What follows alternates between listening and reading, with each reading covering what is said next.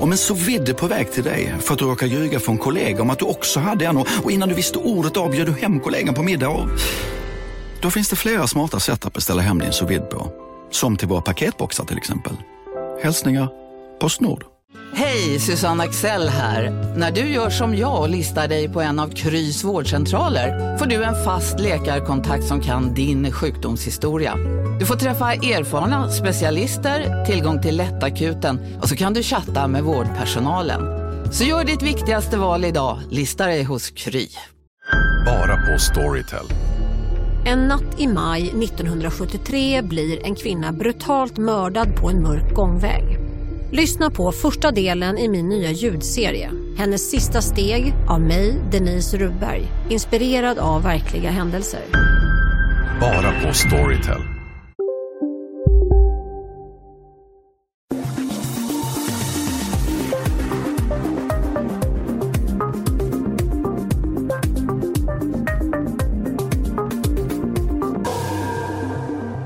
I augusti 2009 ringer en person till polisen.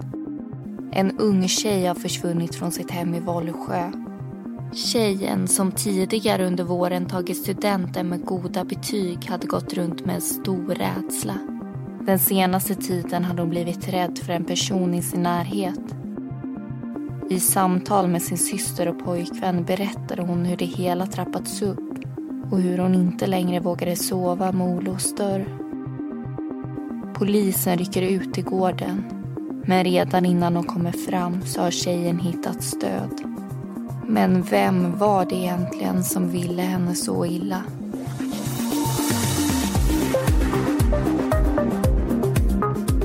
Du lyssnar på Mordpodden och i säsong två då tar vi upp mord som har skett i Skåne. Och i veckans avsnitt ska du få höra berättelsen om mordet i Vollsjö.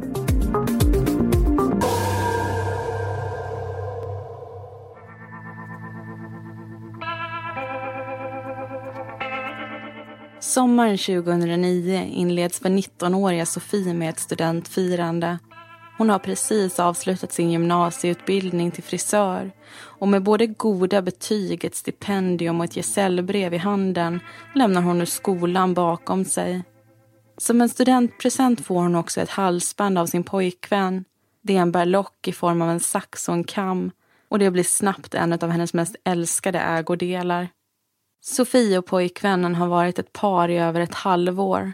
Men när hennes vänner ser de två tillsammans så ser de fortfarande lika nykära ut. Sofie bor tillsammans med sin mamma, syskonen Josefin och Jonas och mammas nya man Micke på en gård i Vollsjö. Hon har också två andra bröder, men ingen av dem bor hemma längre. En grusväg leder upp till den typiska Skånelängen som är hennes hem. Rakt fram syns boningshuset. Där inne bor mamma och Micke. Till vänster ligger en oinredd byggnad som de kallar för det vita stallet. Och till höger, mitt emot, ligger det röda stallet. Där inne har Sofie och de andra syskonen sina sovrum. Byggnaden har delvis renoverats och består av en smal korridor med fyra rum, två på vardera sida. På höger sida ligger datorrummet och sen Jonas rum på vänster sida ligger först Josefins rum och sen Sofies. I slutet av korridoren leder en dörr vidare in i ett förråd. Men Sofie har inte alltid bott på gården. Under flera år var både hon och syskonen familjehemsplacerade. Sofie flyttade då in hos en annan familj för att få trygghet i sin vardag. En trygghet som hon saknade hemma. I det nya hemmet får hon också snart en vän i familjens dotter, Ellie. Det är också under den här tiden som hon börjar lägga mer kraft på skolarbetet. Ellies studieanda smittar nämligen av sig på henne. Under flera år bor de två tjejerna tillsammans och en djup vänskap formas. Sofie har också en nära vän i sin egen syster, Josefin. De pratar om allt möjligt och kan till och med ligga i varsitt rum hemma på gården och smsa varandra. När något händer så är det dessutom till Josefin som Sofie vänder sig. Hon vet att systern kommer lyssna och framförallt tro på det hon säger. Mitt emot Sofies rum ligger Jonas rum. Jonas är bara 15 år och därmed den yngsta i syskonskaran. Han har ADHD Vilket för det mesta betyder att han kan vara stimmig ibland och ha lätt för att gå upp i varv. Men han är också charmig och han älskar att fiska. Ibland är han också med Micke när han är ute och skjuter på småvilt. Då brukar Jonas springa efter och plocka upp hylsorna för att spara. När mamma och Micke är borta så är det ofta Sofie som får passa sin lillebror. I juni månad kallar mamman in Sofie och de andra syskonen till en diskussion. Någon har tagit pengar ur hennes plånbok. Sofie och Josefin riktar blickarna mot Jonas medan mamman tror att det snarare är en av flickorna som är ansvarig. Men ingen tar på sig skulden. Så händer det igen några veckor senare. Ett par hundralappar försvinner och ännu en gång säger sig ingen veta vart de har tagit vägen. På kvällen den 29 juli åker Sofie till Simrishamn för att umgås med sin pojkvän. Sedan de blev tillsammans förra året så träffas de ofta. Men inte så ofta på gården hemma hos Sofie. Hon tycker det är skönt att komma hemifrån och passa på när tillfälle ges. Sofie stannar hos pojkvännen till och med fredag eftermiddag då hon måste ta bussen hem igen för att passa Jonas under lördagen. Mamma och Micke är nämligen bortbjudna. Sofie gör som hon blir tillsagd under lördagen och spenderar dagen med sin lillebror. På söndagen åker hon till Ystad tillsammans med Ellie för att bada. Väl där möter tjejerna också upp med Sofies pojkvän. De har en jättetrevlig dag tillsammans. Enligt Ellie är Sofie en genomsnäll person som vill vara alla till lags. Hon är positiv och gör det mesta med ett leende. Och idag ser hon ut att stråla av lycka. Dagen lider mot sitt slut och Sofie och Ellie säger hej då till Sofies pojkvän och åker hemåt. Sofie stannar hos Ellie ett tag innan hon också går hem till sitt. Runt sjutiden ser Micke att Sofie är hemma igen och att hon går in i det röda stallet. Hon sätter sig vid datorn den kvällen och chattar med vänner. Hennes mörka hår och fräkniga kinder lyses upp av datorskärmen. Det är sent och kanske vore det dags att gå och lägga sig. Men Sofie kommer inte få chansen. För bakom henne står en person som vill henne illa.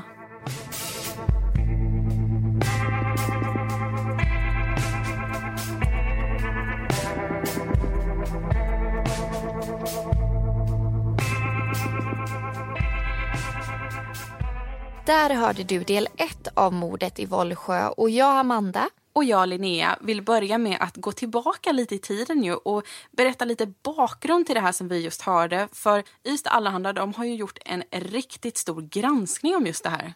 Ja, precis. Och I den här granskningen så beskriver de en kamp mellan socialnämnden och mamman. Och Det är mm. just den här kampen vi tänker gå in på hur den här såg ut. Mm. För det här börjar ju väldigt tidigt dessutom. Ja, det börjar ju när Sofie bara är tre år gammal. Så kommer det in en anmälan till myndigheterna om att hon och hennes syskon far illa. Och det handlar ju bland annat om våld i hemmet och alla de här barnen de tas ju hand om då akut. Mm. Och de placeras ju i ett hem som är tänkt att vara tillfälligt samtidigt som socialnämnden då börjar dra igång en stor utredning om vad det är som har hänt. Ja, för att se om den här anmälan, om det finns sanning i den helt enkelt. Mm. Och då tar man ju det säkra för det osäkra och flyttar på barnen under tiden. Och under den här utredningen kommer man då fram till att föräldrarna inte har tillräckliga resurser för att ta hand om sina barn. Så då tar man ett beslut om att tvångsomhänderta de här barnen. Men då dröjer det alltså tre veckor innan deras mamma får veta ens var barnen befinner sig någonstans. Mm. Ja, det tycker jag var illa. Alltså att det ska gå så himla lång tid innan de ens får veta vad är det som händer med mina barn. Ja, och det känns, det beskedet borde man ju få, upplever jag i alla fall. Var har mina barn tagit vägen? Att även om inte jag får dem hos mig, var är de någonstans? Mm. Under våren och sommaren så bor ju alla de här barnen tillsammans i det nya hemmet. Men till hösten så tvingas de ju dela på sig. Och Sofie och en av hennes bröder de bor ju kvar i det nya hemmet medan de andra syskonen flyttar till ett annat familjehem. Ja, och... det, det, här, det här, jag måste bara säga, det här tänker jag på för, för dels så måste det vara traumatiskt alltså att tas ifrån från sina föräldrar. Mm. Och sen ja, men, dessutom då skiljas från sina syskon. Det blir ytterligare en nivå i den här separationen kan man säga. Mm. Och sen mamman och pappan kommer de ju bara träffa numera på jular och födelsedagar och sånt. Så det blir ju väldigt lite kontakt med dem. Ja, och så måste vi tillägga att i det här skedet så är alltså Jonas, den minsta brodern, ännu inte född. Men han föds ju då 1994 och han placeras även han snart i ett familjehem men han mm. bor bara där i två år innan han får komma tillbaka till sina föräldrar. Och när han kommer tillbaka så är ju redan den äldsta brodern hemma också. Ja, men det, det, sker ju så himla snabbt den här flytten tillbaka till föräldrarna. Det går ju utan förberedelser och en dag så hämtar ju bara föräldrarna pojken på dagis och sen får familjehemmet köra dit hans saker. Ja precis. Ja, men socialnämnden beställer ju också i samband med flytten en utredning av föräldrarna. Och då kom man faktiskt fram till att det mest stabila för pojken är att bo hemma hos sina biologiska föräldrar. Mm. Men samtidigt så påpekas det att mamman har en så kallad borderline-personlighet.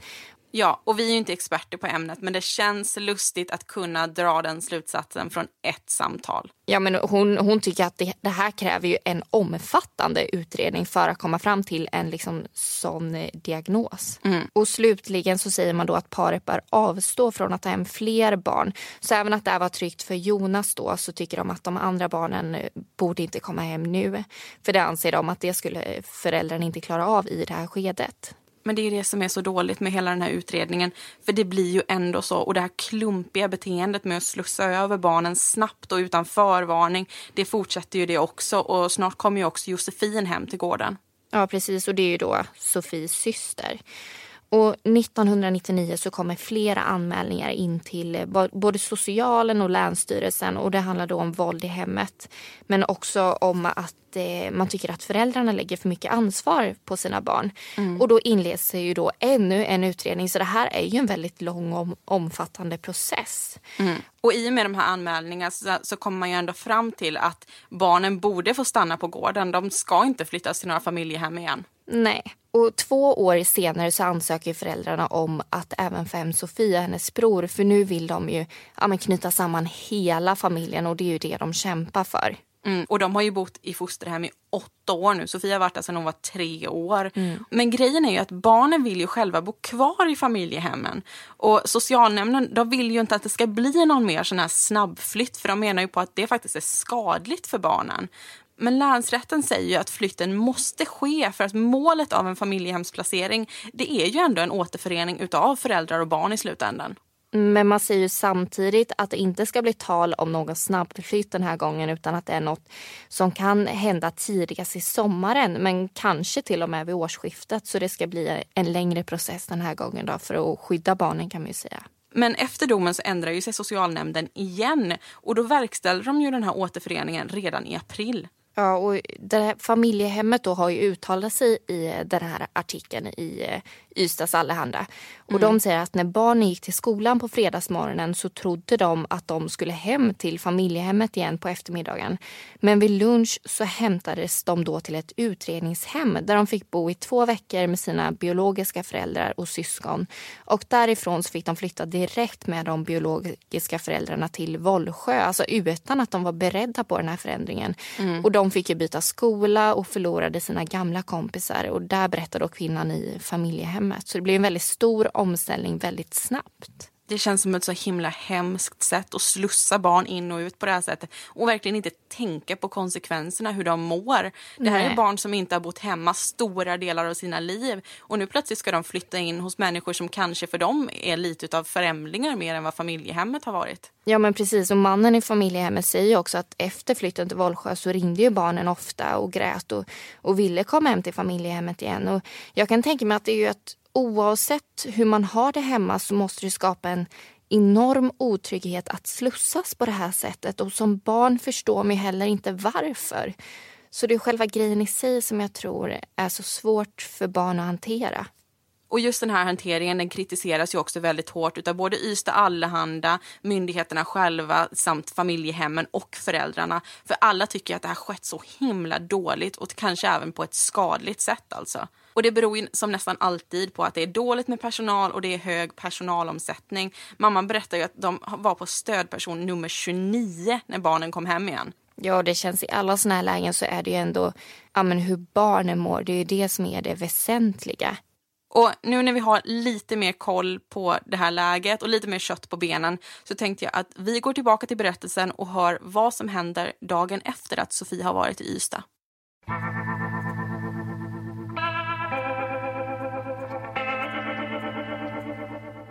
Under måndagen den 3 augusti får Ellie ett samtal. Det är Sofies mamma som undrar om hon vet var Sofie är någonstans. Ellie minns hur Sofie sagt att hon skulle besöka sin moster under dagen och påminner mamman om det. Sen lägger de på och Ellie går iväg till jobbet. Hemma på gården börjar också Micke fundera över vart Sofie kan ha tagit vägen. Middagen står framdukad, men ingen Sofie syns till. På måndagskvällen får Ellie ett nytt samtal från Sofies mamma. Dottern har inte dykt upp hos mostern och dessutom är både hennes mobil och plånbok kvar på rummet. De brukar hon aldrig lämna. Ellie lovar att komma över direkt och lägger på luren. Inom tio minuter är hon framme vid gården och får syn på Sofies mamma. Hon ser väldigt nervös och skärrad ut. Och Ellie leder in henne i boningshuset samtidigt som hon gör en kopp te.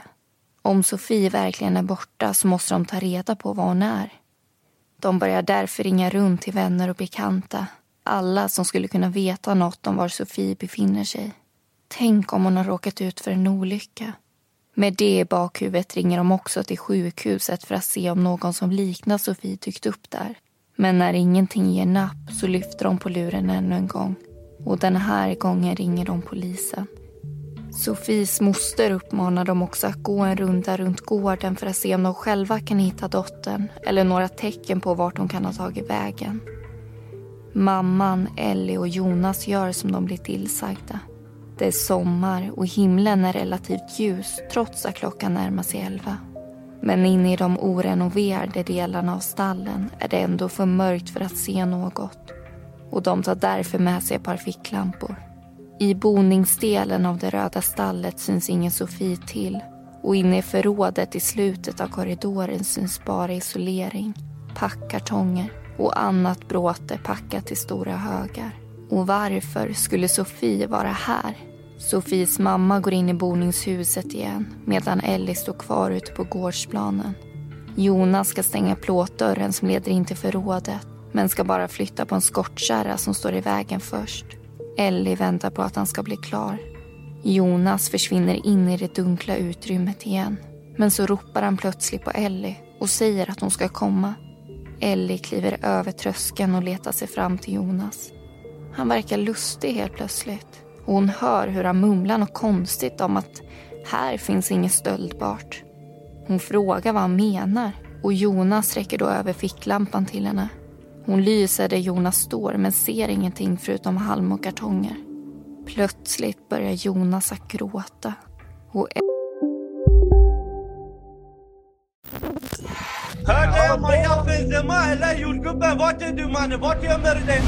I den tredje säsongen av Gängen hör du bland annat mordet på Mikael i Skärholmen, gängledaren som återuppstod från de döda och mordet på jordgubbens mamma. Lyssna på Gängen på Podmi. Signa upp dig på podmi.com. Första 14 dagarna är gratis. Det är säkert att flyga, men ibland händer det som inte får hända. Som när ett plan vägrar att lyda sina piloter och störtar mot marken. När ett videoband fångar en pilots sista sekunder i livet. Lyssna på Flygkatastrofer säsong 3, bara på Podmi. Prova Podmi Premium kostnadsfritt i 14 dagar. Skapa ditt konto på podmi.com. Här sitter jag i en ljudstudio tillsammans med ett sjölejon för att berätta att McDonalds nu ger fina deals i sin app till alla som slänger sin takeaway förpackning på rätt ställe. Även om skräpet kommer från andra snabbmatsrestauranger, exempelvis Eller till exempel Ja, precis. Ellie förstår inte alls vad som händer. Ser du inte? frågar han. Nej, svarar hon. Vad är det du vill visa mig? Gråten blir kraftigare och Jonas flyttar några av kartongerna åt sidan. Ellie hukar sig ner och får då syn på två ben. Hon tror först att det är en docka av något slag. Men snart sjunker det in att det är Sofie. Ellie och Jonas lämnar stallet och går direkt in i boningshuset där de ser mamman. Hon frågar om de har hittat Sofie. Ellie nickar. Hon frågar då om dottern är död. Ellie nickar ännu en gång. Hon är i chock och skakar. Mamman springer ut ur huset och in i förrådet. Sen hörs bara ett skrik.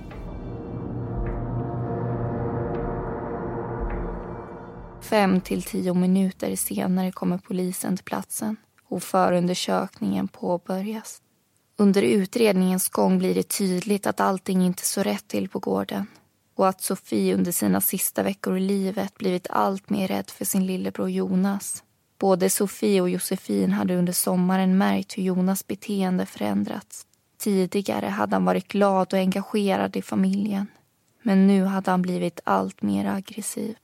En natt vaknar systern Josefin av att Sofie skickat ett antal sms till henne. Jonas har varit inne i hennes rum och tittat på henne och Sofie har blivit rädd. Eftersom båda tjejerna nu ligger vakna bestämmer sig Josefin för att gå upp. Hon hittar då Jonas stående i korridoren utanför Sofies rum. Josefin säger åt honom att gå och lägga sig så att hon och Sofie kan få sova. Han gör som han blir tillsagd. Men det lättar bara på spänningen någorlunda och både Josefin och Sofie har svårt att somna den natten. Fortfarande oroliga för vad deras lillebror skulle göra. På morgonen när tjejerna vaknar saknas det också pengar i Sofies plånbok. Någon har tagit ett par sedlar och mynt. En kväll i mitten av juli sitter Sofie vid datorn inne i datarummet i det röda stallet. Bredvid henne i sängen ligger Jonas och spelar Xbox. Men så reser han sig plötsligt och lägger vad som känns som en snara runt Sofies hals. Han vill göra ett halsband, säger han, och vill därför mäta. Men så drar han åt snaran runt halsen flera gånger och Sofie blir rädd. Efteråt ringer hon till Josefin som inte är hemma den dagen och berättar om vad Jonas har gjort. Hon är då både ledsen och rädd. Efter händelsen med snaran växer Sofies rädsla. I konversationer med pojkvännen berättar hon hur hon börjat låsa dörren till sovrummet och hur hon inte längre vill vara ensam med Jonas. Hon ringer också till Ellie och vill att vännen ska komma över och hålla henne sällskap. Ellie anar en oro i Sofies röst. Hon berättar också om hur Jonas känt på hennes dörrhandtag då hon gått och lagt sig. Hon säger till pojkvännen att hon aldrig mer ska sova med olåst dörr. Hur kom det sig egentligen att Jonas kunde hitta Sofie när ingen annan ens kunde ana var hon låg? Så dold som hon var av kartongerna. Bevisen pekar nu i en tydlig riktning. Mot Sofies egen lillebror.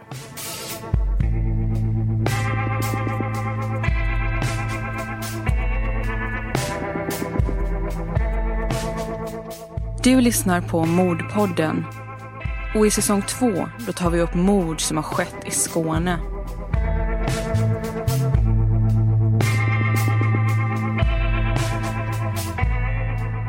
Där hörde du del två av mordet i Vollsjö och här i studion tänkte vi gå igenom en del av den här bevisningen som nu alltså pekar ut Jonas som misstänkt. Och vi kan ju börja med att prata om de här pengarna som försvinner från både mammans och Sofies plånböcker. Ja, för måndag den 3 augusti, samma dag som Sofie sen, senare kommer hittas död, så kommer Jonas hem med ett nytt fiskespö. Och det säger han sig ju att han har hittat, men det är inte riktigt någon som tror på den förklaringen. Nej, för det här ser ju väldigt nytt och väldigt fint ut kan vi tillägga. Och samtidigt vet vi nu att Jonas förändras en hel del den senaste tiden. Och det mm. visar sig ju dels då i det här nattliga besöket och pengarna också försvann som vi tog upp i berättelsen. Men också i och med den här händelsen med snaran som man lägger om Sofies hals. Mm. Och efter att det här med snaran sker så ringer ju Sofie till sin syster Josefin och hon är väldigt ledsen, hon är väldigt upprörd över det här som har hänt. Och Josefin trycker ju faktiskt på record för hon spelar in det här samtalet. Mm. Och vi tänkte ta upp i alla fall delar av konversationen. Precis, så ja, om, vi, om vi läser upp det här nu då så kan vi ju, ja men då kan vi göra så att eh, jag är Sofie och du är Josefin helt enkelt. Så får vi yes. höra hur, de här, hur delar av de här konversationerna lät. Mm. Mamma har gått och lagt sig. Vet du hur rädd jag är? Var är mamma? Jag vet inte, hon har kört. Alltså jag vet inte vad han håller på med och vill dig. Jag vet inte. Nej, och det är ännu läskigare. Tryckte han upp halsbandet eller? Tryckte bak eh, alltså några gånger liksom och sen pausade han inte. Han gjorde det igen. Det var tre gånger. Alltså han sa inte så mycket. Det var precis som han ville känna den här känslan att göra sånt. Men Sofie, jag börjar bli rädd nu. Det har hänt mer än en gång och det blir bara värre och värre. Ja, hur ska jag alltså? Jag är en sån som somnar så jävla lätt och jag ville inte sova i natt. Alltså och känna det så. Jag var så säker på att jag kunde låsa sist men man kan ju lätt glömma. Sofie, nu är inte jag där. Mamma är inte där. Och Micke sover. Nej, nu börjar jag bli riktigt rädd om jag ska vara helt ärlig. Alltså varför ska allting hända mig? Alltså alla saker som händer här hemma, de tror inte på en. Och det här var alltså delar av den här konversationen som Josefin alltså spelar in. För hon får ju någon känsla av att det här måste dokumenteras. Mm. Och det, det var ju bra att hon fick den känslan för det får ju faktiskt betydelse sen. Ja, men för Sofie berättar ju för flera människor om hennes rädsla men man får ändå en känsla av att hon är lite återhållsam för många som hon pratar med känner att hon kanske inte vill prata så mycket om det här och ställer inte så mycket följdfrågor kring det heller. Men Ellie vet, pojkvännen vet och Josefin vet och andra anar. Mm. Och efteråt när Sofie hittar stöd så är det ju flera som säger att de borde ha frågat mer, de borde ha gjort någonting. Och det känns som att alla har den känslan. Men det här är ju ändå en flicka som valde att berätta för vissa människor. Hon kanske inte vågade berätta för andra som hon inte kände så väl. Så jag förstår verkligen känslan att tänka så i efterhand. Alltså det, det måste ju vara en vanlig känsla och just ja. ja. men tänka sin egen roll i det att det är väldigt lätt att lägga skulden på sig själv. Vad kunde jag ha gjort annorlunda? Men sen får man ju inte glömma att det är ju faktiskt endast den personen som begår såna här hemska saker som har gjort felet i de här lägena. Ja, men slutligen så tänkte jag att vi ska gå in lite på det här med misstankesgrader. För det, det är ju någonting som återkommer i våra berättelser. Och när det kommer mm. till misstanke så kan man ju vara skäligen misstänkt eller så kan man vara misstänkt på sannolika skäl. Och det här har vi lärt oss nu genom arbetet med podden. Ja. För skäligen misstänkt, det är alltså den lägre graden av misstanke. Men för att någon ska anses vara det så måste det finnas konkreta omständigheter som med viss styrka talar för att personen har begått brottet. Och på sannolika skäl misstänkt, det är ju den högre graden av misstanke. Och för att omfattas av den så måste ju misstanken mot den här personen grundas på bevisen i fallet. Ja, och snart kommer ni faktiskt få användning för just den här kunskapen kring misstankesgraderna. För det är något som vi nämner i den sista delen av berättelsen som vi ska få lyssna på nu.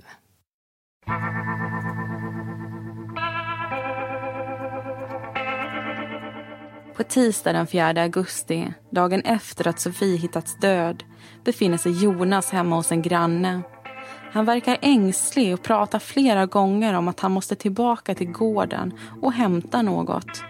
Men när någon frågar varför så får han bara flera olika svar tillbaka. Och att ta sig till gården i nuläget är inte någon idé. Polisen har under dagen gjort en brottsplatsundersökning och polistejp ramar nu in stora områden. Men det hindrar inte Jonas. Han måste tillbaka och därför rymmer han från grannen och flyr tillbaka till brottsplatsen. På gården finns två arrestvakter på plats. Deras jobb är att bevaka det avspärrade området och nu när solen har lagt sig så har det också lugnat ner sig på platsen. Poliserna har kommit och gått och så också pressen. Men vid 21-tiden kommer en bil körande i hög hastighet på grusvägen och blinkar med helljusen. Det visar sig vara en granne som stressat berättar att Jonas har rymt och att han med allra största sannolikhet begett sig hit, till gården. Arrestvakterna går runt och letar efter den 15-åriga pojken. De ser ingenting, men vid ett tillfälle så hörs det hur polistejpen fladdrar. När de kommer fram är det dock tyst igen. Men kanske är det ändå någon där, gömd i det höga gräset. Efter ett tag ser man plötsligt hur en lerig pojke kommer gående längs med grusvägen. Det är Jonas. Han börjar prata, men arrestvakterna har svårt att förstå vad det är han säger. Någonting om ett hittat lakan med blod på kommer dock fram. Han säger att han krypit runt i stycket, den del som varit avspärrad med polistejp och att han där hittat lakan och örngott som luktat människoblod. Vakterna vill få honom att fortsätta prata och frågar hur han vet hur det luktar. Jonas svarar att han känner igen doften. Men hur kunde han veta att det var ett örngott som han hittat? Det är ju mörkt ute. Han kände det, säger han. Polis och hundpatrull anländer till gården och börjar söka igenom områdena runt omkring. Högt gräs och nässlor omger stallbyggnaderna. Polis och arrestvakt står nu tillsammans vid Jonas medan hundarna gör sitt bästa för att få vittring på något nytt spår. Plötsligt börjar Jonas prata. De kommer inte hitta det där de går därför att de går på fel ställen, säger han. De uppmanar honom återigen att fortsätta att berätta och det gör han. Han säger att på baksidan av det vita stallet så är nästan alla fönster sönderslagna och om man står i ett av dem så ligger det någonting tre meter utanför fönstret. Polis och arrestvakt förstår vad det är som han syftar på. En påse har redan hittats där tidigare under dagen och precis som pojken sa så var det lakan och örngott med blod på i den. Men påsen har tagits i beslag så hur kunde Jonas säga sig ha sett den där för bara ett litet tag sedan? Nästa fråga som riktas till Jonas är vad han gör där på gården. Svaret blir att han behöver få tag i sitt fiskespö eftersom han skulle ha det dagen efter. Men fiskespöet fanns ju inte ute på stycket. Så hur kom det sig att han ens hade gått dit och letat? Och med det så växer misstankarna mot den 15-åriga pojken. En rättsmedicinsk undersökning görs på Sofie och det konstateras att hon blivit skjuten i huvudet någon gång på kvällen eller natten till den 3 augusti. På ena armen har hon dessutom blåmärken som ser ut att komma från ett hårt handgrepp. Vid brottsplatsundersökningen gör polis och tekniker också fler fynd. Det är datarummet som hon bragts som livet. På kontorstolens tyg och armstöd hittas blod. Man hittar också ett kulfragment av kaliber 22 i rummet. När golvet sprayas med medel så lyser det också upp nya blodspår som inte kunnat ses med blotta ögat. Släpmärken visar på att någon förflyttat Sofies kropp efter attacken från datarummet och in i förrådet i slutet av korridoren. I Jonas rum hittar man en mörk handduk med spår av blod på. Blodet tillhör Sofie. Ovanför Jonas säng kan man också utläsa i mycket liten skrivstil fyra siffror. Tre av dem stämmer överens med koden till värdeskåpet som står i boningshuset. Värdeskåpet som i sin tur innehåller nyckeln till vapenskåpet. Tre vapen beslagtas av polisen. En revolver utesluts snabbt som mordvapen. Men vad som är intressant är att alla vapen använder kaliber 22. Men vid en jämförelse med de kulfragment man funnit så finns det inte tillräckligt med information för att binda dem till något av vapnen. På golvet utanför datorrummet hittas dock två hylsor och när de undersöks närmre så står det klart att de avlossats från salongsgeväret de hittat i vapenskåpet. Salongsgeväret är ett lätt jaktvapen som används för att bland annat döda fåglar och råttor med. Det är ett så kallat enskottsvapen där du för varje skott måste lägga i en ny kula en sista upptäckt görs på Jonas rum. En röd sytråd ligger utrullad på golvet. När polisen fortsätter sin sökning runt det vita stallet så hittar de också den där påsen med lakan och örngott i som Jonas sedan skulle prata om. Tygbylterna undersöks och man hittar blodfläckar på flera av dem. Men inte bara det. Man hittar också halm, något som återfanns där Sofie hittades och så en liten röd sytråd. På onsdagskvällen den 5 augusti anhålls Jonas misstänkt för mord. Men han nekar och säger sig inte ha någonting med Sofies död att göra. Fyra dagar senare så häktas Jonas som skäligen misstänkt. Den 13 augusti meddelar polisen att Sofie skjutits till döds och att vapen nu också beslagtagits. Jonas begärs nu istället häktad på sannolika skäl men han fortsätter att neka. Den 23 oktober åtalas Jonas för mordet på sin syster och den 2 november så inleds rättegången. En vecka senare står det klart. Trots Jonas nekanden så har tingsrätten funnit han skyldig till mordet på Sofie. Bevisningen har talat för sig själv. Han var hotfull mot sin syster innan mordet. Han återvände till brottsplatsen för att komma över de blodiga lakanen. Och det var han som hittade Sofie när ingen annan ens kunde ana vart hon låg.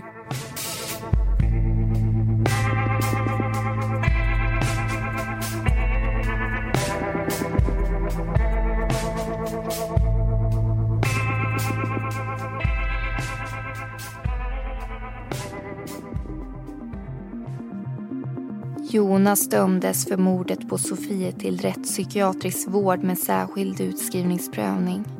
Detta efter att undersökningarna visat att 15-åringen har så grav ADHD och Aspergers att rättspsyk är lämpligast.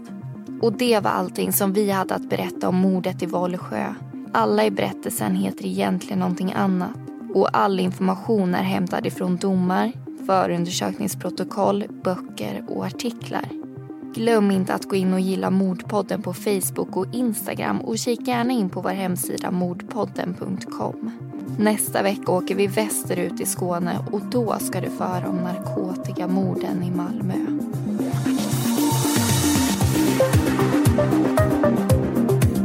Du har lyssnat på Mordpodden och vi som har gjort den heter Linnea Bolin och Amanda Karlsson. Och bakgrundsmusiken det var Lasting Hope och Lightless Dawn av Kevin MacLeod samt Deep Space av Audionautics.